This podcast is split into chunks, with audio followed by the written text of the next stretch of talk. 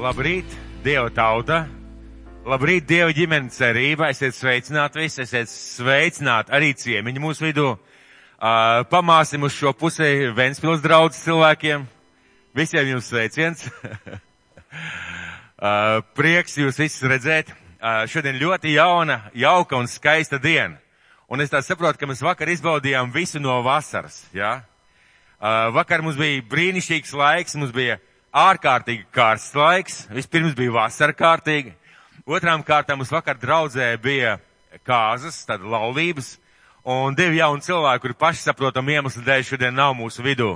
Tātad Diāna un Dēvids, viņi iebrauca laulības ostā, ja tā varētu teikt, par ko mums viņus arī ļoti apsveicam un daudz bija un kopā ar viņiem priecājās. Bet šodien ir arī ļoti skaista diena. Ziniet, kāpēc? Kā jūs domājat, kāpēc šodien ir brīnišķīga diena? Mācītājiem ir violeta šlipse. Zinu. Uh, nav tik karsts. Kāds teica, kāpēc vēl? Svētdiena. Neko nav jāiet darbā, ja? Ļoti jauki. Ziniet, kāpēc vēl šodien ir brīnišķīga diena? Jo šī ir tā diena, ko tas kungs tev ir devis. Šī ir tā diena, ko tas kungs ir devis. Un ieklausieties šajos vārdos. Mēs varam šodien būt šeit, mēs varam būt Dieva bērni, mēs varam priecāties un pateikties Dievam par visu, ko mēs esam piedzīvojuši. Kāpēc? Jo šī ir tā diena, ko tas kungs tev dod. Saki man lūdzu, svētdienās ir tāda skumīga diena dažiem cilvēkiem, dažām ģimenēm. Ziniet, kāpēc? Sestdienas svētdienās daudzus ved uz uh, mūžu mājām. Jūs ziniet, jā? Ja? Mēs ar jums esam šeit. Mēs varam baudīt no visa tā, ko Dievs mums ir devis, piedzīvot no visa tā, un Dievs kaut kā saka īpaši kādā veidā atcerēties to, ka tā ir tā diena, ko tas kungs mums ir devis. Šī ir tā diena, ko tas kungs ir devis, priecāsimies un līksmosimies šī dienā. Bībelē saka, priecāsimies un līksmosimies šī dienā. Vai tu varētu nedaudz pasmaidīt? Nu, papriecāties par šo dienu, nu kaut nedaudz, jā? Ja? Un es šobrīd es gribētu dot iespēju kādiem cilvēkiem liecināt par to, ko Dievs ir darījis viņu dzīvē, par kādiem notikumiem, situācijām, piedzīvotām lietām. Ja ir kāda liecība, lūdzu, nāciet šeit priekšā un padalieties arī ar pārējiem, lai mēs pārējiem varam baudīt. No tā, ko Dievs ir devis jūsu dzīvē. Ja ir kāda liecība, lūdzu, nāciet. Labrīt, mīļā draudze. Dievs ir labs. Un uh, Dievs mums ir blakus. Mēs esam izvēlējušies viņam tuvoties, un viņš tuvojās mums. Un tā kā mēs esam izvēlējušies šodien būt Dieva draudzē, tuvoties viņam, tad es gribu pateikt, ka Dievs ir katram no jums blakus. Un bieži vien mūsu dzīvēs ir tādas situācijas, ka neliekās, ka mums Dievs ir blakus. Bet Dievs ir apsolījis savā vārdā, ka es tev būšu blakus, es tev nekad neatstāšu, nekad nepametīšu. Mums vajag stāvēt uz Dieva vārdu pamata. Un es gribu pateikties Dievam par, par viņa žēlastību, par to, ka viņš tik tiešām ir blakus mums it visā un visur, un arī mūsu dzīvēs ir tādas situācijas, ka mums tā neliekās, bet vienkārši tam uz tā vārda pamats stāvēt un ticēt, un es gribu pateikties Dievam par to, ka viņš man nosargāja. Um, pagājušo piekdienu es braucu uz lūkšanas kalnu, un braucu ar riteni, un man pārplīsa bremzes trose. Un es gribu pateikties Dievam par to, ka viņš man nosargāja, kad es nenogāzos, kad es nesasitos, es vienkārši sajūtu tādu, arī tādu uh, pārdebisku dievu pieskārienu, ka viņš, protams, ka es lecu no tā riteņa, bet es ne sev nesavainoju, es sajūtu, ka ka kāds arī man vēl tur, ka kāds man palīdz noturēt. Un, un paldies Dievam, ka tā trose plīsa nevis kaut kur no kalna, uh, vai ka es kaut kā stipri braucu, un, un tur, kur bija daudz, varbūt gājēji vai riteņbraucēji, bet bija tādā vietā, kad es varēju nolikt, un es Dievam pateicīju, ka viņš man nosargā, jo bieži vien ir tā, ka mēs tad jautājam, nu, Dievs, kur tu man esi blakus, un bieži tā, kad kad Dievs mums ir blakus, tā mēs, uh, un viņš mums pasargā, tā mēs nenoslīkstam, tā mēs uh, nu, ka viņš izrāva mūs ārā no kaut kādām nepatikšanām, tad Dievs jau mums ir blakus. Tā kā paldies Dievam, ka viņš mūs sargā. Kāda liecība? Lūdzu. Jā. Sveika, draudze. Es arī vēlētos liecināt. Um, tātad, uh, man, es nesen dabūju tiesības, tas ir pagājušajā nedēļā. Un, uh, ziniet, Dievs klausa visas mūsu lūkšanas, un vispār tas tas jau pirmais brīnums, kad es tiku uz eksāmenu, tādēļ, kad bija praktiski man pateikts, ka uh, tu esi nepaspējis, nu, es drīz braucu projām, un ka tu nepaspēsi, jo vienkārši tu vairs nevar pierakstīties uz eksāmenu, ka tev nebūs tiesības. Bet uh, kaut kā Dievs pakārtoja, kad dējā datumā man bija pateicis, ka tu nevari likt, kad viņš tomēr izdarīja tā, ka es tur varēju likt. Vienkārši pārdabiski sakārtojās laiks. Un otrā lieta vēl tie, kam ir tiesības, jūs zinat, varbūt, kad um, braucot ar mašīnu šajā eksāmenā ir diezgan liels stress, vai ne? Un es rīktīgi lūdzu Dievu, lai man nebūtu stress, jo tad, kad es stresu, tu ne zīmes redzi, tu neko neredzi, un tad tā var beigties eksāmenis diezgan ātri. Un es rīktīgi lūdzu Dievu, lai man nebūtu tas stress kaut kādā pārdabiskā veidā, un ziniet, viņš arī dara. Savā veidā, bet dara. Un uh, bija tā, ka pirmajās piecās minūtēs eksāmenē es jau jūtu, ka man stress, es tur jau to neredzu zīmi, to neredzu. Un uh, tad uzrādās stopzīme. Jā, un es šo, šo stopzīmi ieraugu nedaudz par vēlu un sāku bremzēt un nobremzēt diezgan strauji. Bet tieši tajā pašā brīdī, kad es bremzēju, bremzēju arī blakus man inspektors. Un jūs zinat, varbūt, ja inspektors pieskarās bremzēm, ja viņš iejaucās jūsu braukšanā, eksāmens ir beidzies. Nu ko, tad es arī padomāju, kad eksāmens man ir beidzies, uh, nu, nav ko stresot, viss vienkārši izbraukāsim to stundu, būs mierīgi, tad es braucu visu ceļu pilnīgi bez stresa. Uh, tu, tur jāgriežas, tur jāgriežas. Nu labi, kāda starpība tāpat es neesmu nokārtojis. Mēs piebraucam apkaļ pie CSDD un es domāju, ka tu sāki stāstīt kļūdas, tur kā tu neapstājies, tur tas un tas. Nu jā, eksāmena rezultāti vispār pozitīvi. Apsveicu, jūs tur nedaudz par vēlu nobremzējāt, bet jūs pati nobremzējāt, tā ka to es neskaitu kā kļūdu. Un vienkārši tieši tādā pilnīgi pārdabiskā veidā, nu, es nobraucu pilnīgi bez stresa, jo biju pārliecināta, ka es izkritu. Bet tā nebija. Tagad, jā, Dievs klausa ar savu humora izjūta, nu, tā kā varbūt mēs neesam iedomājušies. Jā, slavdien. Paldies. Uh, arī man ir tāda kāda liecība, ko es gribētu liecināt par vakardienas kāzām. Uh, jūs ziniet, mums vakar bija laulības, jau teicu, jā, Diana un Dēvids iebrauc iestūrē la, laulības ostā un slavu Dievam par to. Un uh, kaut kādu vairāk kā pusgadu atpakaļ uh, es pirmoreiz uzzināju, ka viņi tā kā, nu, domā viens par otru un tam līdzīgi. Mēs runājam ar viņiem. Un es devu, devu dažus padomus, dažus svarīgus, kristīgus, tādus labus padomus. Un bieži vien tā, ka cilvēki uzklausa labos padomus, saka, aha, labi, jā, un pēc tam viņus nepilda. Bet man bija liels prieks redzēt, kā šie divi jaunie cilvēki, viņi tiešām um, ne tikai pildīja vienkārši, bet viņi, viņi darīja ļoti prātīgi, visu gudri, dievbīgi un pareizi. Un vakar, kad mēs bijām kāzās, es parasti pirms kāzām lūdzu vārdu par katru pāri, kas ir tas īpašais viņu dzīvē, kas ir tas īpašais, ko varbūt kā vēsts. Un es saņēmu tādu vārdu uzplaucis zieds. Jūs ziniet, kas ir uzplaucis un atvērties zieds? Tas tāds zieds, kas tādā pilnbriedā, ja? kas nav norauts par agru, nav kaut kā samocīts, nav kaut kur, nezinu, iespundēts vai kaut kādā veidā tur sabakstīts, kā kādreiz mēs to darām ar savām attiecībām. Bet, ka viņu laulība bija kā nobriedis zieds, jeb kā smaržojas zieds, kas ir pilnbriedā. Un man bija milzīga pateicība Dievam un šiem diviem jauniem cilvēkiem, ka es redzēju, kā Dievs savā laikā, savā veidā, viskaistākajā veidā, kādā viņš tas ir iespējams, savienoja viņus. Un par to bija milzīgs prieks. Tā ir tiešām tāda liecība par to, ka arī mūsdienas sabojātajā, samaitātajā, reizēm pat varbūt tādā greizajā un nepareizajā pasaulē ir cilvēki, kas klausa, kas paklausa un piedzīvo svētību. Tā bija tāda patiesa prieks un uh, patiesa tāda laba sajūta uh, šajās kāzās. Es uh, tiešām priecājos par, par to iespēju būt tajā draudzē. Es priecājos par to baznīcu, kas bija ļoti atvērta. Uh, mēs tā aprunājāmies ar to sievieti, kas uh, tur apkop šo baznīcu jau daudzus gadus. Mēs tur par dažām lietām aprunājāmies. Viņa bija ļoti laipna, ļoti priecīga. Uh, mani drusku pārsteidz tas, ka viņi pēc, pēc šī dievkalpojuma centās man visu laiku apķert un sabučot, jo viņi teica, ka viņas var līdz asarām aizkustināt par to, un es domāju, ka tas bija Dievs. Pareizi? Tas bija Dievs, kas bija mūsu vidū, un tā ir lieliska sajūta, ka tu stāvi kaut kur ar kādiem cilvēkiem dalies vai runā, un tu saproti, ka Dievs ir klāt un ka Dievs priecājās par to, kas šajā mirklī notiek. Tāpēc jaunie cilvēki, klausiet padomu, uzklausiet Dievu vārdu un lai Dievs mūs svētī. Un es šodien gribētu dalīties ar vārdu, kas jau nedaudz, nedaudz, nedaudz kaut kādā veidā sāk izskanēt. Es šodien gribētu dalīties ar vārdu kur meklēt prieku. Kur meklēt prieku?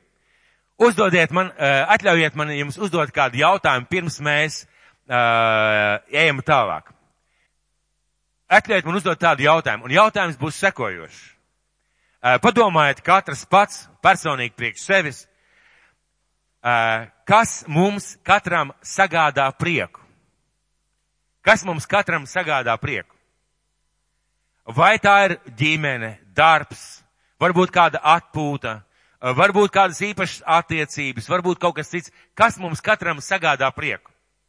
Uh, bet nevis vienkārši prieku, bet prieku tādu, kā, ko mēs gribētu atkārtot, gribētu atkal piedzīvot, atkal gribētu kaut kādā veidā uh, būt tajā iekšā. Es zinu, ka kāds varbūt gribētu dabūt atpakaļ savu mūžībā aizgājušo sunīti vai kaķīti. Kāds varbūt gribētu dabūt atpakaļ savu veco skaisto brīnišķīgo mašīnu. Varbūt kādam kāds kaut kas cits sagādāja prieku. Padomāsim mirklīt, vienkārši īsi, īsi mirklīt. Es došu jums apmēram pusminūti, padomājiet, kas jums katram sagādā prieku, tā godīgi. Kas mums sagādā katram prieku? Uh, un mēs zinām, ka cilvēks meklē apstākļus, kuros viņš var būt priecīgs, ja kas viņam sagādā prieku. Cilvēks burtiski meklē. Uh, pat zināmā mērā tu varētu nosaukt par tādiem kā laimes meklējumiem, jo prieks, ka tu priecājies par kaut ko, kaut ko tev tāda patiesa laimes sajūta. Un uh, es pagājušo sestdienu sludināju par to, ka pagājušo svētdienu sludināju par to, ka mēs esam aicināti un izredzēti un uh, uz reālu dievam veltītu dzīvi. Jebkurš kristietis ir aicināts un izredzēts dzīvot īstu, reālu, dievam veltītu, dieva svētītu, pilnu ar dievu dzīvi. Kāds kristietis ir aicināts un izredzēts šādai dzīvei. Un es rādīju pagājušajā svētdienā divas siksnas, jūs atceraties, jā? Pagājušajā svētdienā rādīju divas siksnas. Viena bija ādas, nobružāta, tāda nolietota ādas siksna, un viena bija nedaudz skaistāka dažās vietās, bet nu jau kārtīgi saplīsusi dermantīna siksna. Abas bija domāts kā ādas siksnas. Izvēlā, tas, kas izvēlējās šīs siksnas veidot, tas bija cilvēks. Viņš izvēlējās vienu siksnu taisīt no ādas, reālas ādas, vienu siksnu, ne šis cilvēks, bet kāds cits cilvēks izveidoja, iz, izdo, izdomāja veidot līdzīgu ādai, tādu, kas ādas imitācija, uh, un uh, rezultāts bija kāds. Es rādīju jums šīs divas siksnas. Viena siksna bija jau nobružāta un nonēsāta, bet viņa bija vēl lietojama un ne tikai lietojama. Viņa bija stipra un es pat gribētu teikt, ka gandrīz nenolietojama. Laba siksna ir gandrīz nenolietājama, kaut gan viņai varbūt sabružājās. Otra siksna bija lietota, es domāju, kāds piecreiz mazāk, viņa jau patiesībā bija vairs nelietojama. Un tieši tāpat, mīļie draugi, ir ar mūsu dzīvi. Ar mūsu dzīvi. Ja mūsu dzīve ir īsta dzīve Dievā, kopā ar Dievu, Dieva svētīta, Dievam veltīta dzīve, šī dzīve ir pilna ar dzīvību, ar dzīvības sulu, un viņa sagādā prieku mums, sagādā prieku apkārtējiem cilvēkiem, un viņa ievies, iesniedzās pat mūžībā, jo Dievs saka, kas tā dzīvos, iemantos debesis un iemantos mūžīgo dzīvību. Šī otrā josta, jeb šī otrā veida dzīve, kas ir tikai imitācija, viņa nespēja ilgi izturēt. Un tāda neīsta dzīve kopā ar Dievu izkaltē cilvēku. Mēs esam redzējuši izkautus kristiešus, tukšus kristiešus tādus, kuriem nav neko teikt, neko, nekā domāt, viņi staigā skumīgi apkārt, jo neīsta dzīve izkaltē cilvēku. Un es pagājušajā svētdienā runāju par tesaloniķiešu draudzi, par kuru Pāvils liecināja, es negribu griezties atpakaļ, bet viņš saka tādus vārdus, visur apkārt par jums runā trīs lietas. Jūs ticību vēršat darbībā, mīlestību centībā un cerību izturībā. Patiesībā, ko viņš saka? Jūs ticību realizējat savā dzīvē. Tā ir īsta patiesa dzīve kopā ar Dievu. Un es runāju par to, ka iemesls šo cilvēku šāda veida dzīvē, ja tam, ka apkārt cilvēki liecināja par šo draugu, ka viņi pa īstam dzīvo kopā ar Dievu, bija pirmajā vēstulē tesaloniķiešiem, pirmā vēstule tesaloniķiešiem, at, paskatīsimies atpakaļ, pirmā vēstule tesaloniķiešiem, otrā nodaļa, 13. pants, pirmā vēstule tesaloniķiešiem, otrā nodaļa, 13. pants. Tāpēc mēs arī pastāvīgi pateicamies Dievam, ka jūs uzklausījuši mūsu vārdu, sludinātos vārdus, tos esat uzņēmuši nevis kā cilvēku, bet kā dieva vārdus, kas tie patiesībā ir, jo pats dievs darbojas ar savu spēku jūsos, kas ticat. Un es stāstīju, mēs runājām, mēs nonācām pie kopēja secinājuma, ka starpība starp šo draudzu un citām draudzēm, kuras Pāvils tajā laikā kalpoja, bija tā, ka šie cilvēki uzņēma sludinātos vārdus kā Dieva vārdus. Kā vārdus, kurus Dievs saka personīgi viņiem. Un Pāvils saka, un tie tādi arī ir. Un rezultātā bija tas, ka Dieva vārds darbojas viņu dzīvē, un viņu dzīves bija izmainītas. Viņu dzīves bija īstas, reālas, tādas, kāds Dievs gribēja redzēt, un apkārtējie cilvēki liecināja par šiem cilvēkiem, tie, kas dzēra, tie, kas dzīvoja netiklībā, tie, kuri tur zaga, laupīja, meloja, tā vairs nedara, viņi dzīvo pavisam citu dzīvi. Un Pāvils ļoti priecājās un pateicās par šiem cilvēkiem. Un mēs arī pagājušajā reizē runājam, kāpēc mūsu dzīvē tā nesanāk. Kāpēc Pāvila, arī Pāvila laikā, kad viņš runāja ar draudzēm, tā daudziem nesanāca. Un iemesls bija tāds, ka mēs bieži vien Dieva vārdus, jeb Dieva vārdu uztveram, dzirdam un uztveram un iekšēji diskutējam. Iekšēji diskutējam ar tiem vārdiem, kurus mēs dzirdam, it kā nepiekrītam. Mēs bieži nepiekrītam šiem vārdiem. Jā, Pāvils pateica, bet kāpēc viņš tā teica? Jā, bija tādi īpaši apstākļi, un jā, tie bija īpaši cilvēki, uz mums tas tā īsti neatiecās. Bieži vien mēs šos vārdus palaižam garām, un bieži vien mēs neievērojam to, ko Dievs teica. Un ārkārtīgi bieži mēs, mēs tā nedarām. Mēs zinām, bet mēs tā nedarām. Es tagad tādu vienkārši triviālu piemēru, triviālu piemēru pateikšu. Sakiet, vai laipnība. Vai laipnība ir Dieva īpašība, Dieva griba mūsu dzīvē? Ir? Ja? Ir, pareizi.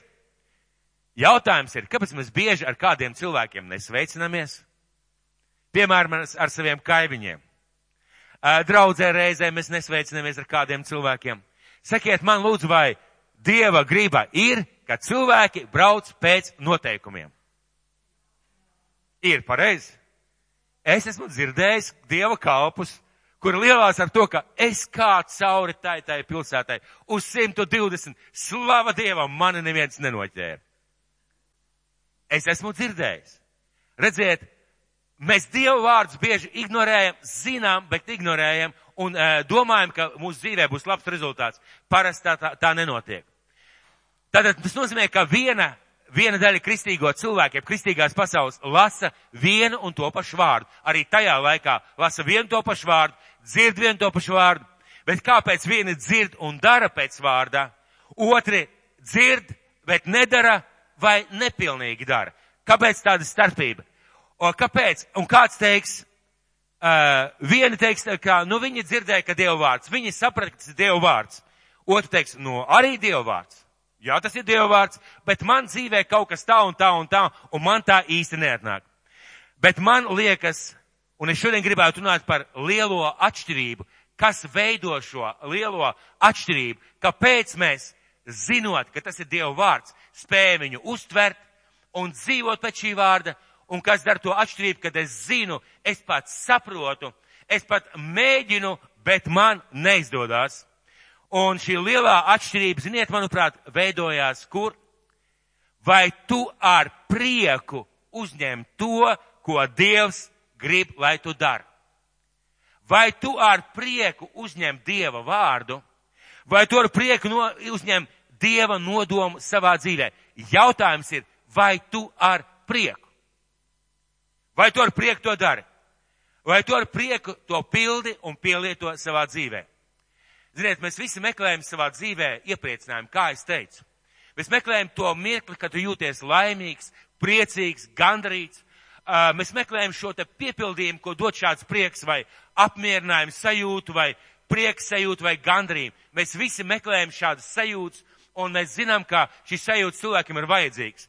Un kāds cilvēks, pat ticīgs cilvēks, bieži vien šo sajūtu meklē izglītībā. Tas ir labi. Izglītība ir laba lieta. Bet ja tu domā atrast gandrību, sajūtu vai prieku labā izglītībā, kaut kas īsti nav kārtībā. Es paskaidrošu, kāpēc. Kāds meklē darbā un karjerā, un Dievs ir teicis, ka mēs nebūsim par asti, bet par galvu. Kādā veidā? Dievs teica, ka mēs esam gaisma šajā pasaulē. Tas nozīmē, ka Dievs ir aicinājis mums būt arī par piemēru mācīties skolā, koledžā, eh, kādā citā vietā. Dievs mūs aicinājis būt par piemēru darbā. Dievs saka, ka viņš paaugstina pazemīgos un tos, kas rūpējās par viņa slavu, jeb tos, kas strādā patiesi tā kā Dievam gribētu. Un es zinu, ka ikvienā darba vietā, mīļi, ikvienā darba vietā, agri vai vēl, paaugstinās, atzīmēs, apbalvos cilvēku, kas dara savu darbu kā tam kungam. Vai jūs man piekrītat? Vai jūs man piekrītat, ja jūs strādājat vai mācāties, jūs tiksiet paaugstināts? Tā ir taisnība. Pat necīgi cilvēki cenšas tādā veidā uh, pateikties tiem, kas dara uh, tā no prieka. Kāds meklē darbā un karjerā, un tas ir labi, tas ir pareizi. Mums ir jādomā par darbu, par karjeru. Mīļie, bet ir ļoti bīstami meklēt savu gandarījumu labā algā un labā stāvoklī kādā vietā. Ir bīstami meklēt savu gandarījumu šajā vietā. Kāds meklē finansēs, daudz nopelnīšu, labi jutīšos, labi nopelnīt, labi ir, ka tev laba alga. Brīnišķīgi. Bet ja tu domā, ka tas tev atnesīs gandarījumu, tu gluži maldies. Kāds meklē sportā, atpūtā, izklaidē, ceļošanā, labi, brīnišķīgi ir ceļot, brīnišķīgi ir atpūsties, brīnišķīgi ir sportot, tas nav pret Dievu, nav pret Dievu gribu, bet, bet slikti ir tas, ka cilvēks meklē šo feelingu, jūs saprotat vārdu feeling, šo izjūtu, meklē sportā, atpūtā, kādās citās atpūtas lietās, lai sajustos gandarīts, sajustos labi, sajustu, sajustu prieku. Kāds meklē ģimenē, bērnos, mazbērnos, attiecībās ar cilvēkiem. Tas ir labi. Dievs grib, lai mums būtu labas ģimenes. Dievs grib, lai mums būtu labi bērni. Dievs grib, lai mums būtu labi mazbērni, lai mums būtu labas attiecības. Bet ja mēs domājam un meklējam, es satikšu savu meitu, tad gan es jutīšos labi. Es, mani mazbērni būs veiksmīgi, tad gan es būšu labs tad gan es būšu priecīgs. Maniem bērniem labies, tad gan es būšu attiecīgi gandarīts, priecīgs un pateicīgs. Mēs esam priecīgi, mēs esam gandarīti, mēs esam pateicīgi, gan labi, gan slikti. Bet jautājums ir, ko Dievs, kurš pazīst mūsu sirdi? Mīļie, Dievs mūs veidoja. Viņš izveidoja mūsu sirdi. Un viņš zinot, ka cilvēkam ir tendence meklēt laimi, meklēt gandarījumu, meklēt to, kas dod viņam šo apmierinājumu, sajūtu, šo stāvokli. Es esmu priecīgs un laimīgs. Ko Dievs ir teicis savā vārdā par šīm lietām? Un ja mēs domājam, ka kaut kas no tā, par ko es pieminēju, un daudz cits sfērs, ka tas ir atnesīs mums šo te paliekošo, veldzējošo piepildījumu, domājam, ka tas mums dos prieku, mēs ārkārtīgi kļūdamies. Jo tas ir visas vajadzīgas lietas bet šīs lietas nespēja atnest. Viņas nespēja atnest paliekošu prieku. Viņas nespēja atnest gandarījumu. Viņas nespēja atnest to, ko spēja atnest tikai Dievs. Kāpēc par tā, tā varētu teikt? Jo šīs lietas beidzās, un mēs visu laiku būsim izsalkuši. Mēs visu laiku būsim tā kā neapmierināti, visu laiku atkal un atkal jaunus iepriecinājumus un jaunus mierinājumus. Mums atkal visu laiku vajadzēs pie jauna, jo mēs nespēsim dzīvot Dievā kas ir svarīgi, ja mēs meklēsim savu prieku, savu gandrību citās lietās, mēs nespēsim sekot Dievam. Kāpēc?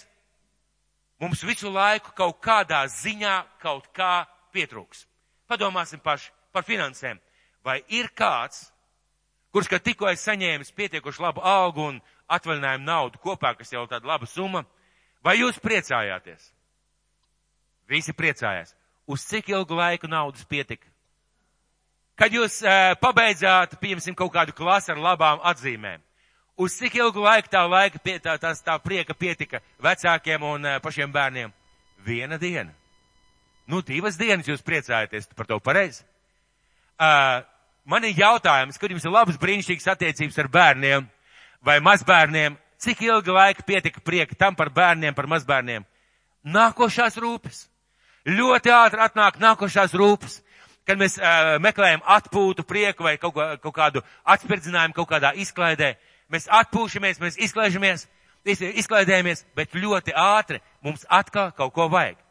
Es zinu, es nedaudz makšķerēju, tu atnāc no makšķerēšanas ļoti jauki, brīnišķīgi gāja, un tu jau sāc domāt, kā tu nākošais atkal varētu tikt. Kā tu atkal nākošais varētu tikt. Tas ir nepiepildāmi, neveldzējami. Un kāpēc es par to visu runāju? Runa ir par paliekošu prieku. Un būs mūsu mirkli, mirkli mūsu dzīvē, un Dievs zina, kā Dieva vārds ir tas labākais, kā mums šādi laimes un prieka meklējumi, ja mēs meklēsim viņus tajās lietās, ko šī pasaule, jeb šīs zeme, jeb tas, kurā mēs dzīvojam, ja mēs domāsim, ka tādā veidā mēs varam dzīvot, tas mums traucēs sekot Dievam. Kāds teiks, nē, nē, nē, es priecājos par saviem bērniem, par saviem mazbērniem, par savu ģimeni, par savām finansēm, un tas man nemaz netraucē Dieva, eh, sekot Dievam. Traucēs. Īstenībā patiesā, patiesībā traucēs. Jocīgi, bet ticīgam cilvēkam šāds skats uz dzīvi traucē, kaut gan mēs negribam to atzīt, un, bet mēs nespēsim dzīvot Dievam veltīt dzīvi. Bet tikai Dievam veltītā dzīvē mums, mums atnāk augt.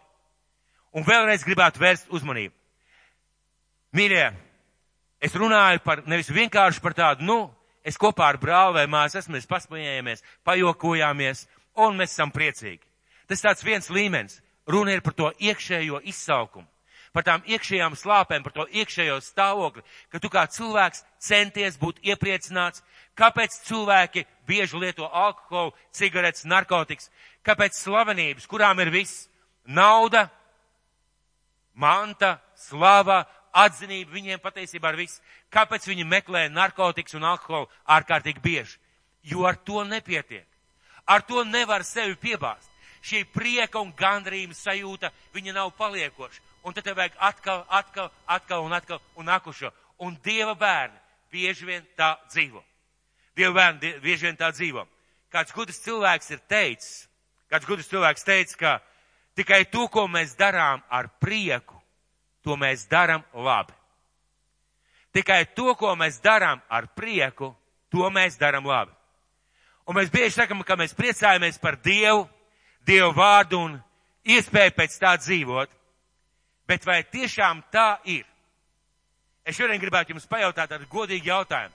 Bet vai tiešām tā ir, ka mēs priecājamies par Dievu, par Dieva vārdu un iespēju dzīvot pēc Dieva vārda?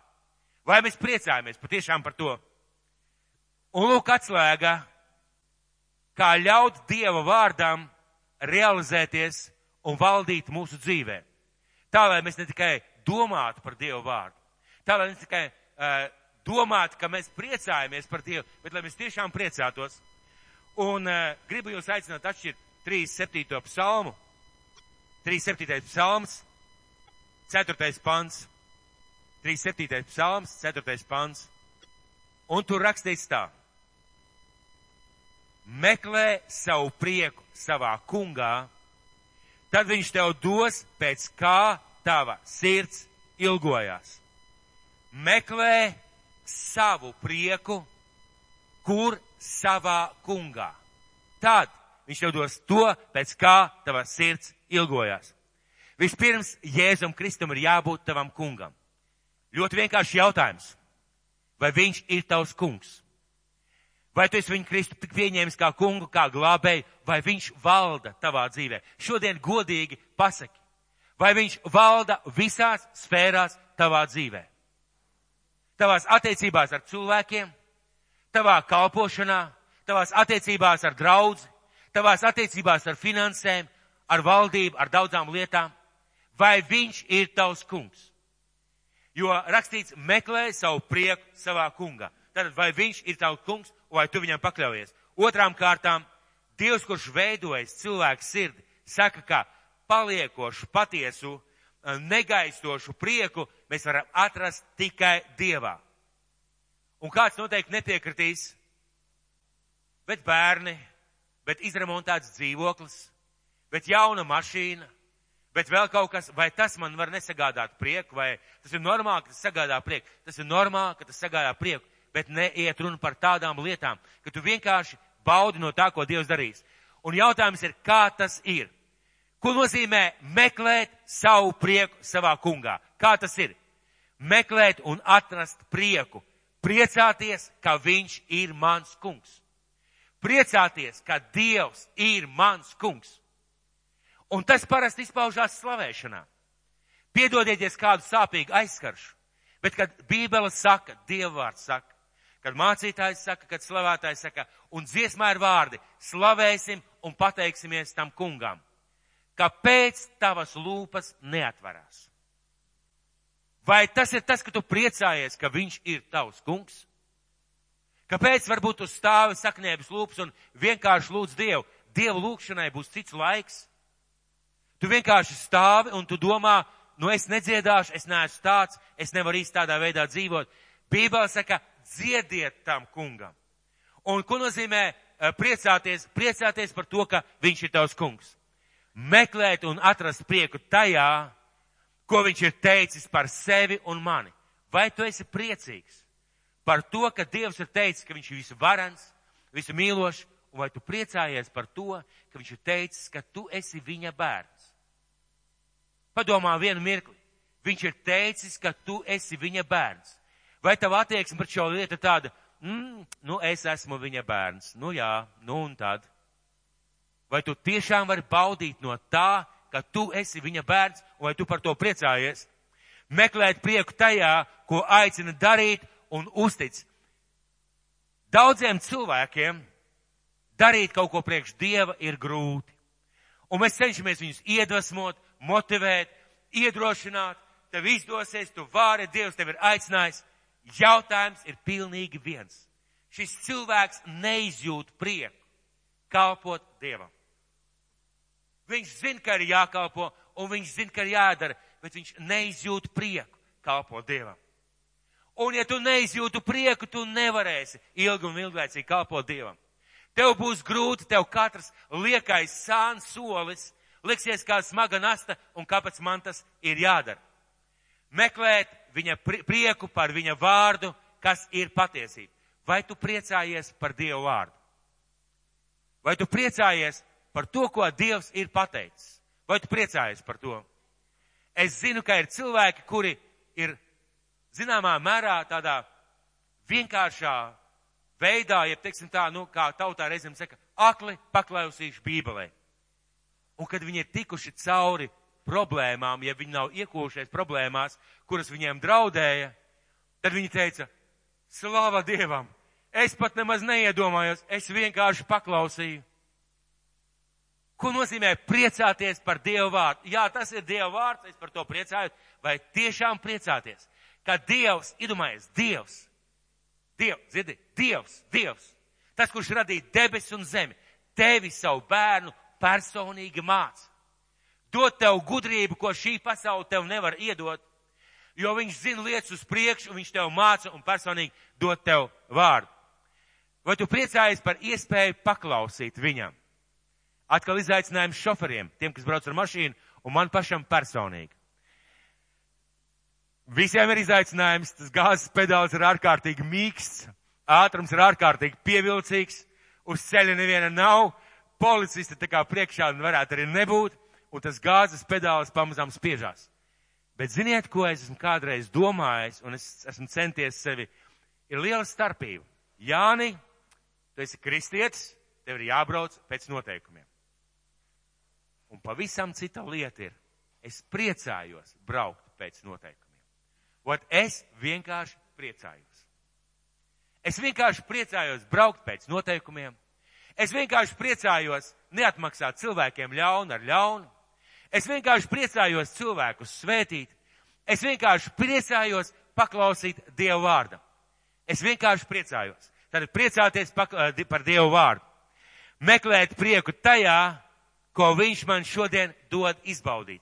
Es jau no paša dievkalpojuma sākuma centos iedrošināt dažus, kas bija skumīgi. Izbaudīsim šo dienu. Vai tu spēj priecāties par to, ka tu šo dienu vari izbaudīt? Mīļie, ārā ir saule, ir vasara, tu esi daudz maz paēdis, kaut, kā, kaut kāda drēbīte ir mugurā pareizi. Pie durvīm nestāv neviens ar ar uh, sarkanu tādu grāmatiņu KGB un nevedīs tevi nekur uh, iespundēt. Dievs ir kopā ar tevi, vai tu vari izbaudīt no šī mirkļa šeit, šajā zālē? Vai tu par to vari priecāties? Daži saka, ka var. Slaudiem, ka mēs varam. Uh, meklēt prieku tajā, ka viņš mani pārbauda un veido. Ka viņš mani pārbauda un veido. Mēs esam dzirdējuši daudz par Jāzepu. Daudz par Jāzepu, par viņa uzticību, par viņa cīņām, par to, kā viņš beigās kļuva par faraona labo roku. Bet padomā pats, padomā pati. Ja tu nonāktu tādā stāvoklī, un tev nebūtu nekādas atbildes, kāpēc tā notiek, vai tu varētu padomāt par to, ka Dievs ir vislabākais skolotājs un treneris. Un ka tieši šajā mirklī, kad tu sēdi cietumā vai esi verdzībā, Dievs ar tavu dzīvi kaut ko dara. Un vai tu vari priecāties par to, ka Dievs ar tavu dzīvi kaut ko dara? Mums visiem nepatīk, nepatīk nepatikšanas. Mums visiem nepatīk kādas saķeršanās ar cilvēkiem. Mums visiem nepatīk kādas problēmas, pārdurtas riepas vai, nezinu, vēl kaut kas ir noticis. Bet kad mēs padomājam, kad mēs padomājam, vai sadauzīta mašīna vai vēl kaut kas, bet kad mēs padomājam par šīm lietām ar distanci, vai mēs tajā kaut ko iemācījāmies? Un par Jāzepu runājot. Mums ļoti gribētos kā Jāzepam uzreiz par uh, Ēģiptes galvenieku, pareizi? Vai kāds tā gribētu? Droši, droši, visi tā gribētu. Visi mīļēji mēs tā gribētu. Visi tā gribētu. Bez problēmām, bez kaujām, bez cīņām, bez pārbaudiem. Visi uzreiz tur uz balli.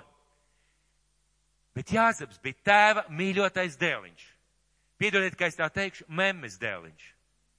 Brāļi tur gana lopus, strādā, rūpējas par saimniecību. Viņš tādā tēva azotē, krāsainās drēbītēs, tēva mīļotais. Vai Dievs ar tādu kaut ko varēja izdarīt? Dievs neko tādu, neko tādu, ko viņš plāno izdarīt, viņa nevarēja. Un Dievs sūta viņu vispirms verdzībā, pēc tam cietumā un skatieties, kas notiek. Pēc gadiem Jāzeps, esot verdzībā, viņš iemācījās rūpēties par saimniecību. Viņš iemācījās saimniekot, uzticēt darbu kalpiem, pārraudzīt darbus, skaitīt naudu un vispārējo. Pēc tam viņš nonāk cietumā, un cietumā viņš iemācās par varas struktūrām, iemācās par uh, pakļautību priekšniecībai, iemācās par valdīšanu, par vadīšanu, par līderību. Un tad Dievs viņu pēkšņi aicina šajā postenī, un viņš ir gatavs. Tas nozīmē, mīļie draugi, ja tev šodien ir kāda kaite, problēmas, finansēs, attiecībās, cilvēkos, vēl kādās lietās, vai tu strādā kādā darbā, kur tev varbūt neiet kā gribētos, padomā un papriecājies par to, ko Dievs šajā mirklī ar tavu dzīvi dara. Viņš ir vislabākais skolotājs, vislabākais treneris. Meklēt tajā priekā, ka viņš aicina mani kalpot viņam un dot viņam. Mīļie, tas ir prieks dot Dievam. Ko nozīmē meklēt? Ko nozīmē vārds meklēt? Ko nozīmē vārds meklēt? Saprast, ka tas ir vajadzīgs pirmām kārtām. Man ir vajadzīgs prieks no Dieva. Otrām kārtām saprast, kas ir vajadzīgs ka man ir vajadzīgs prieks. Lai es varētu dzīvot kopā ar Dievu, man ir vajadzīgs prieks. Domāt par to sevi iekšā. Man vajag prieku un priecāties kopā ar Dievu un par Dievu. Man vajag tiekties pēc tā, un tā ir izvēle, dzīties pēc tā un censties dzīvot tajā. Es jau teicu, es jau teicu, mīļie, izvēle, prieks ir izvēle. Tu vari šajā mirklī sēdēt ar miljonu kabatā, un būt ārkārtīgi nelaimīgs, jo tev nav otrā miljona. Un kādam ir? Tu vari šajā mirklī sēdēt ar to, ka, ai, man drusku galva sāp vai kājas, nu nav vairs tā veselība, bet tu vari padomāt, mīļie, es esmu nodzīvojis 60, 70 gadus. Daudzi nemaz nav aizsnieguši tādu līmeni, un es šodien varu pastaigāt, es šodien varu strādāt, es šodien varu kaut ko darīt, vai tā nav Dieva žēls, vai tu par to vari priecāties? Vai tu, tu var, varbūt, vai tu vari priecāties par to, ko Dievs šodien tev dara un kurā vietā viņš tevi šodien ir ielicis? Šajā draudzē vai kādā citā draudzē? Dievs tajā vietā ar tevi kaut ko dara, jo šis vārds saka, meklē savu prieku savā kungā. Tu nevari atrast citu prieku. Citi tavā vietā nevar atrast tavu prieku. Savs prieks nozīmē tas, kas dzīvo, kas valda tevī iekšā. Tas, kas dzīvo un kas valda tevī iekšā. Un pat ja tavi apstākļi varbūt nav tādi, kā tev gribētos, meklē prieku visā tajā. Meklē prieku visā tajā. Ko nozīmē meklēt? Tad meklēt, tas nozīmē ilgoties, dzīties. Ko nozīmē savu, nevis kā visi, nevis kā visiem, nevis kāds citiem prieks, jo tad tu nekad nebūsi priecīgs, jo visiem vienmēr labāk iet par tevi. Bet savu tas ir tas, kas dzīvo tevi iekšā. Un ko meklēt? Prieku. Kur meklēt? Dievā. Es gribētu minēt pāris vietas, kuras Dievs ir izrunājis uz mums. Pāris vietas Bībelē. Un es gribētu tagad nedaudz jūs iepriecināt. Šodien mēs runājam par prieku, jā? Ja? Es gribētu jūs šodien visus iepriecināt. Jūs pilnīgi mierīgi varat pierakstīt tikai tās vietas, nešķirt vaļā Bībeles. Mums uh, parādīs šeit uz, uz ekrāna, lai mēs tā pilnvērtīgi varētu izbaudīt un nedaudz papriecāties par šo dievkalpojumu. Tātad es gribētu minēt pāris vietas, kurās Dievs ir uzrunājis mūs, un vai tu priecājies nākt uz Dieva namu? Piemēram, jautājums. Vai tu priecājies nākt uz Dieva namu? Es gaidīju, ka jūs visi pacelsiet roku. Kas tad nu? Vai jūs priecājaties nākt uz Dievu namu? Jau mācītājs teica pareizi. Bet ja tā godīgi, vai bija kāds cilvēks, kas tā no rīta, mm, atkal uz baznīcu jāiet? Un var taču atnākt, pareizi. Jo, ja tev labi saņemās, var atnākt. Bet ja tu labi saņemies atnākt uz baznīcu, tu nespēsi izbaudīt no tā, kas šajā vietā ir. Tu nespēji dziedāt Dievam, pateikties, priecāties, jo tu esi atnācis uz baznīcu, un es nejautāju, vai jūs nākat uz baznīcu. Es jautāju, vai jūs ar prieku nākat uz baznīcu. Un tā, mīļie, ir milzīga starpība. Uz kurien tu ej šodien? Uz baznīcu. Svētdiena ir diena tam kungam. Ah. Es gan uz jūrmālu, vai tiešām, varbūt te varētu pievienoties. Jums nav bijušas tādas domas? Mīļie. Un Bībelē saka, meklē. Tas nozīmē, ka tas nenozīmē, ka mums visu laiku tā būs, ka mums ir jāmeklē prieks nākt uz baznīcu. Bet ziniet, ko Dāvids, vīrs, kuru Dievs apzīmēja ar vārdiem, tas ir cilvēks pēc manas sirds. Ziniet, ko viņš saka? Es priecājos, kad man teica, iesim tā kunga namā. Dāvids priecājās par iešanu Dieva namā. Tāpēc izvēlies, meklē prieku nākt uz baznīcu. Meklē prieku nākt uz baznīcu. Un tieši tad tu varēsi saņemt, tieši tad tu varēsi piedzīvot, jo ja tu nāc te bez prieka, tu neko nesaņemsi. Bieži vien tā, tā arī gadās. Vai Dievu baušļi, Dievu vārds tev sagādā prieku? Jautājums ir, nevis vai tu centies viņus pildīt, bet vai viņi tev sagādā prieku? Nu jau neviena roka vairs nepacēlās. Vai viņi tev sagādā prieku? Un skatieties 112. psalmā, pirmais pants. Svētīgs tas cilvēks, kas bīstas to kungu, kam ir sirsnīgs prieks par viņa baušļiem. Kam ir sirsnīgs prieks par Dieva vārdu. Nevis vai tu ievēro, nevis vai tu klausi, es tev jautāju, vai tev ir prieks. Jo, ja tu priecīgi to dari, Dievs tevi mīl vairāk. Ja tu priecīgi to dari, tu dari to labi. Ja tu priecīgi to dari, to dari ar gandarījumu, ar prieka sajūtu. Rezultātā tev ir vienkārši paklausīt Dievam. Vai tu atrod prieku un priecājies, ka te uznāk pārbaudījumi? Es jau nedaudz minēju nevis nepareizas rīcības seku dēļ. Piemēram, ak, kā es priecājos, man atkal gadījās pabraukt zem radara, un tas man maksās 40 eiro. Paldies Tev, Dievs, par to. Es domāju, ka ne par to iet runa. Runa ir par to, vai tu priecājies, kad notiek tavā dzīvē, vai nenotiek kaut kas tāds, kas nav atkarīgs no tevis. Jo es jau minēju Jāzep, atceries, ka tajā mirklī kaut ko Dievs tavā dzīvē dara. Kaut ko Dievs tavā dzīvē dara un iedomājies, vislabākais tēvs, vislabākais tēvs, vislabākais skolotājs, psihologs, treneris, tajā mirklī kaut ko tavā dzīvē dara. Parasti mēs par šīm lietām nepriecājamies, vai ne? Vai priecājamies tomēr? Mēs parasti par šīm lietām nepriecājamies, vai ne? Godīgi. Un tagad skatieties, Jēkab pirmā vēstule, Jēkab pirmā vēstule, no otrā līdz ceturtajam pantam.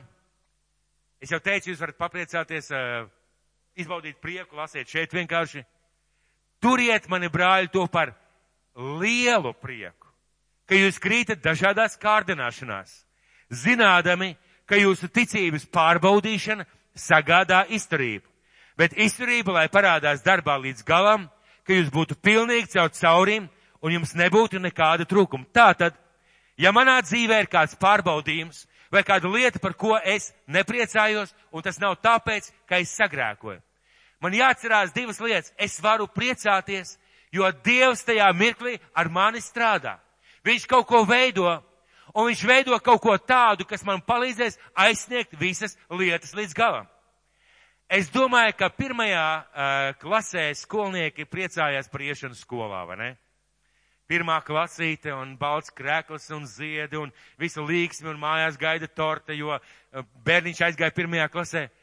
Kaut kā tas prieks 3., 4., 5., 6. klasē pamazām pazūdiet uz skolas. Nezinu, kādām meitenēm, nu jau vecākā, lielākā vecumā pajautāja, vai jūs priecājaties, ka drīz būs jāiet skolā? Nē, maz nepriecājamies. Bet tajā mirklī, kad viņas būs pabeigušas skolu, tajā mirklī, kad viņas dabūs diplomu, un tajā mirklī, kad kādā augstskolā paskatīsies viņu diplomu un ieraudzīs labas atzīmes, vai tajā mirklī viņas baudīs no tā, ka viņas mācījās? Ma, baudīs, pareizi. Un Dievs mūsu dzīvē tā dara. Viņš veido lietas, kas mums nepatīk. Viņš dara lietas, viņš pieļauj lietas, kas mūs izaicina, kas mums liek justies drūmiem un bēdīgiem. Un Dievs saka, priecājies tajā mirklī. Nevis par savu grēku, nevis par savu kļūdu, ja tāda ir bijusi, nožēlo un atstāja, bet priecājies par to, ko Dievs dara. Un ja tu priecāsies, mēs beigsim ar tiem vārdiem, kas nāk tālāk šajā psalmā. Tātad meklē savu prieku tajās lietās, ko Dievs dara. Vai tu priecājies par to, kas tavā dzīvē notiek, ko tu vari baudīt? Es jau minēju nedaudz. Bet vai tu priecājies par to, kas notiek tavā dzīvē, ko tu vari baudīt? Psalms 92, 5, 6. 92, 5, 6. Jo tu, kungs, man esi iepriecinājis ar savu darbu. Es gavilēju par to, ko tava roka dara. Es gavilēju par to, ko tava roka dara apstākļi nav tādi, situācijas nav tādas, cilvēki nav tādi, lietas, ka manā dzīvē notiek tādas, bet es pateicos tev, Dievs, par to, ka šajā mirklī tu esi kopā ar mani, ka šajā mirklī tu manā dzīvē kaut ko dari, ka šajā mirklī tu mani veido stiprāku, drošāku, pārliecinātāku. Es tev pateicos, Dievs, ka šajā dienā es varu pamosties, ka man ir ģimene, vai varbūt man nav ģimenes, Es tev pateicos, ka es varu paēst brokastis. Es tev pateicos, ka es varu būt dievnamā. Es tev pateicos par visām lietām, kas notiek manā dzīvē, jo tā ir tava mīlošā roka, kas manu dzīvi veido. Un es par to varu priecāties un meklēt tajā savu prieku.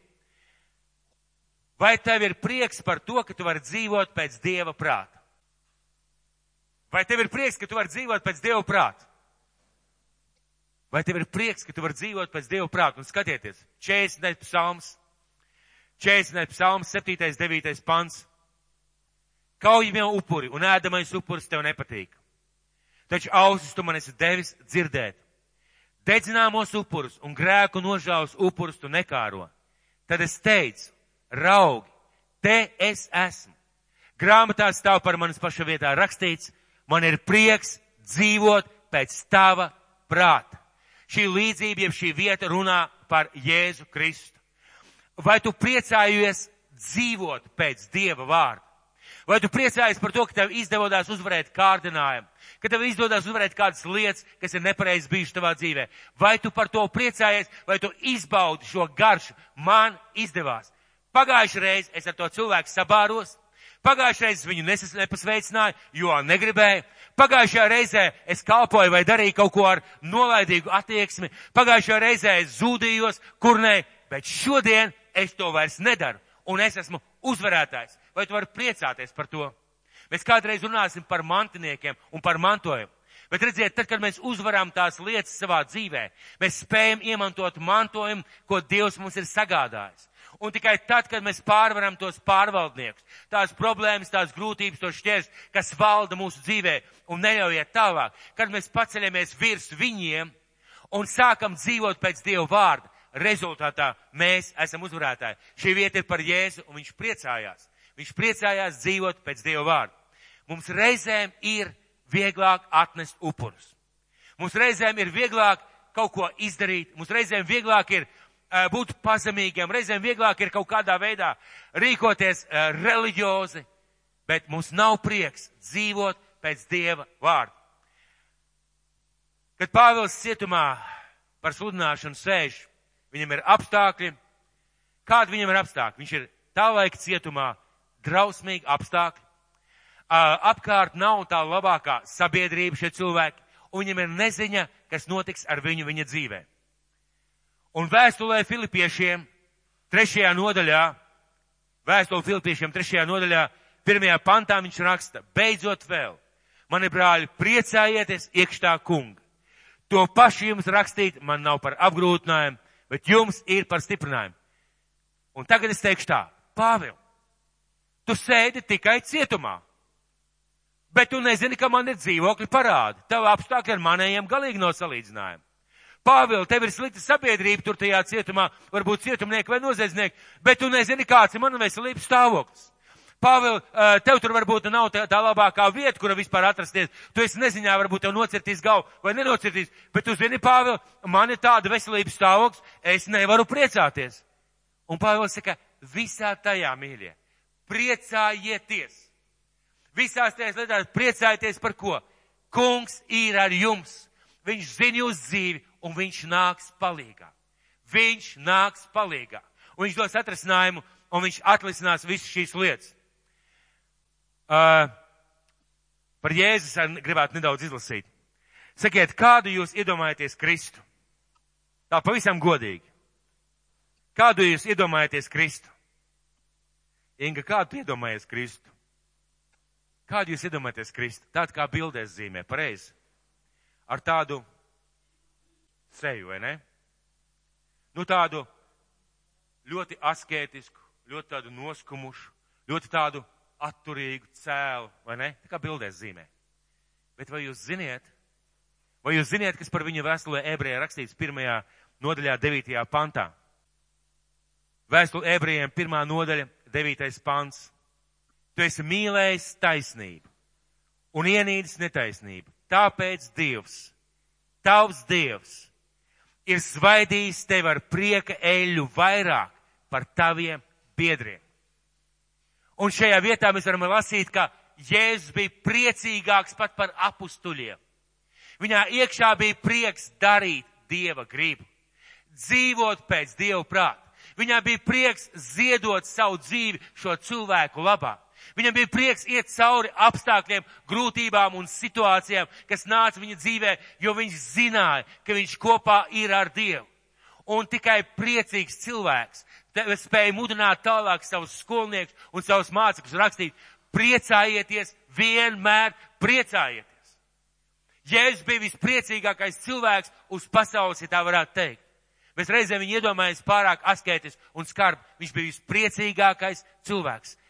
Jautājums ir, kāpēc mums Dieva bērniem, Dieva ģimenei, cerībā, Ventspilī, Tabora draudzē, dažādām draudzēm, kāpēc mums tik bieži vien ir skumja seja?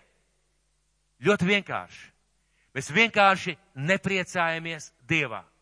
Kāds mācītājs teica, kāds mācītājs teica, viņš nav no šīs valsts. Viņš teica, es pazīstu savā valstī daudzus mācītājus, un lielākā daļa viņi ir nelaimīgi. Nelaimīgi, ka draudz neaug. Nelaimīgi, ka nav nepietiek naudas. Nelaimīgi, ka nav tāda slavētāja. Nelaimīgi, ka nav tādas svētdienas skola. Nelaimīgi, ka svētais gars nedarbojās. Nelaimīgi par to, par to, par to. Vai nav par ko priecāties? Un viņš teica, un viņa vārdu man iedvesmoja, viņš teica, es pieņēmu lēmumu. Ja prieks tā ir izvēle, es priecāšos kungā. Katru dienu priecāšos. Un kā viņš teica, viņš to bija dzirdējis kaut kur, bet viņš teica, viņš, viņš pieņēma to kā savu moto. Viņš teica tādus vārdus, es būšu bezkaunīgi priecīgs. Bezkaunīgi priecīgs. Un ziniet, kurā mirklī viņš to teica? Draudzē negāja, māte bija uz miršanas gultas, pašam ģimenē bija problēmas. Viņš teica, es pieņēmu lēmumu. Es būšu bezkaunīgi priecīgs tai kungā. Un es domāju, ka tas bija pareizs lēmums. Ziniet, kāpēc? Ziniet, kāpēc? Jo tas pats 37. psalms, 4. pants, 37. psalms, 4. pants, lasīsim vēlreiz. To es aicinu jūs visus atšķirt. Meklē savu prieku savā kungā, tad viņš tev dos pēc kā tava sirds ilgojās. Meklē savu, spie, savu prieku savā kungā, tad viņš tev dos pēc kā tava sirds ilgojās. Tu gribi saņemt neizsīkstošu gandarījumu, tādu apmierinātības sajūtu. Tu gribi vienmēr būt mācēt, būt pateicīgs Dievam. Tu vienmēr gribi priecāties par lietām, kas notiek tev apkārt un kas notiek ar tevi. Meklē savu prieku tajā kungā. Un tad viņš tev to dos, ko tu meklē. Un neapšaubām, neapšaubām, tā būs cita dzīves kvalitāte. Tā būs cita dzīves lieta, kādā veidā tu varēsi dzīvot. Un dos arī visu vajadzīgo. Un dos arī visu vajadzīgo. Kāpēc? Jo Dievs mīl savus bērnus. Dievs mīl savus bērnus. Viņš priecājas savus bērnus svētīt. Viņš priecājas savus bērnus iepriecināt. Viņš priecājas savus bērnus apbalvot, dāvināt viņam dāvanas. Viņš priecājas šīs lietas darīt. Tikai viena lieta viņš saka, dzīvojiet pēc mana vārda. Dzīvojiet pēc manas gribas. Meklējiet manu prātu. Ja es to nedaru ar prieku, es nespēju tam sekot. Es nespēju to darīt. Dievs saka, neatstājiet savu, savas, savas sapulcēšanās, un ja man nav prieka par draudz, ja man nav prieka par to, ka es nāku uz draudz, ja man ir skumji vai bēdīgi nākt uz draudzi, es nevaru iemantot to prieku, ko Dievs šajā vietā grib izliet. Ja man nav prieka par Dievu vārdu un par spēju paklausīt viņam, es nespēju turēt Dievu vārdu. Ja man nav prieka par maniem pārbaudījumiem, es vienmēr kurnēšu, vienmēr būšu neapmierināts, vienmēr būšu, ne, būšu nelaimīgs. Un es nespēju dzīvot tajā. Un mēs zinām, ka Dievs ir taisnīgs, Dievs ir paties un Dievs ir īsts. Un ja viņš saka, meklē savu prieku savā kungā, tad viņš tev dos to, pēc kā tavs sirds ilgojās. Dari to. Bet šeit ir viens vārds meklē savu prieku. Es varētu iet un teikt Daigai, Daigā, meklē prieku. Norā, meklē prieku. Māsiņa, meklē prieku. Bet es pats varu būt ārkārtīgi nelaimīgs. Jo Dievs saka, meklē savu prieku. Tas nozīmē, ka tā ir mana atbildība pieņemt lēmumu. Es būšu pateicīgs un es būšu priecīgs. Tāpēc kristieši var būt vispriecīgākie cilvēki pasaulē un vislaimīgākie cilvēki pasaulē. Vai kāds varētu, lūdzu, vai kāds varētu teikt, āmen? Nora viss apsteidz. Nora vispriecīgākā. Un es gribētu pabeigt šodien vārdu ar savu personīgo liecību. Jūs ziniet, ka tad, kad jums ir atvaļinājums, pirmo nedēļu esat dikti priecīgs, pareizi? Atvaļinājums, brīvība, baudām, daram, dzīvojam. Atvaļinājumam ejot, tā prieka sajūta sāk samazināties. Bet šis atvaļinājums priekš manis bija īpašs. Es neizdarīju pusi no tā, ko es biju ieplānojis izdarīt. Es neizdarīju varbūt tik daudz un tik labi, kā man būtu gribējies. Bet kaut kad pa vidu es noķēru, ka es sāku priecāties par to, kas ir. Ka es sāku, no, kaut kur pa vidu es noķēru, ka es sāku priecāties par to, ka ir dienas, ka tu vari pamosties, ka tu kaut ko vari darīt, ka tuvojās laiks, kad uzkāps atkal uz kancels. Es sāku kaut kā noķert to prieku par debesīm, par skudriņām uz ceļa, par zivīm, kuras aizgāja. Es sāku noķert kaut kā prieku par tām, par tām sāpošajām kājām vakarā, par tām lietām, kuras es neizdarīju, jo tas nozīmē, ka Dievs man dos rītdienu, kad es to varēšu izdarīt. Un ziniet, man piepildīja liels prieks, jo es sapratu, ja es meklēju prieku savā kungā, tajā, kas viņš ir, tajā, ko viņš dara, tajā, ko viņš darās manā dzīvē, mana dzīve kļūst citā kvalitātē. Un lai Dievs jūs svētī. Es zinu, ka daži vakar bija kāzās. Un ka dažiem varbūt bija grūti šodien no rīta piecelties. Mana sieva ir liecinieks. Es šodien visu rītu dziedāju par zilo kūciņu, kuru es ēdīšu. Skumjā vēsts. Kūciņu es nedabūju. Bet es vienalga esmu priecīgs. Vienalga esmu priecīgs. Lai Dievs mūs visus svētī. Es zinu, ka šis dievkalpojums bija tāds jocīgs. Un uh, varbūt, ka šo dievkalpojumu nevajadzētu likt uh, radio pirmajā svētdienā. Es nezinu. Bet tas man bija vārds jums, mīļie draugi. Un kad es domāju par iemeslu, kāpēc Pāvils varēja šeit draudzē teikt, jūs savu ticību vēršat darbībā, savu mīlestību centībā un savu cerību izturībā. Es domāju, ka šie cilvēki ne tikai uztvēra viņa vārdus kā sludināto vārdu, kā dievu vārdu, viņi uztvēra ar prieku. Un tā ir tā starpība, kad dievu vārds atdzīvojās, ka tu sāc viņā dzīvot. Un es jums šodien gribu novēlēt visiem prieku. Āmen!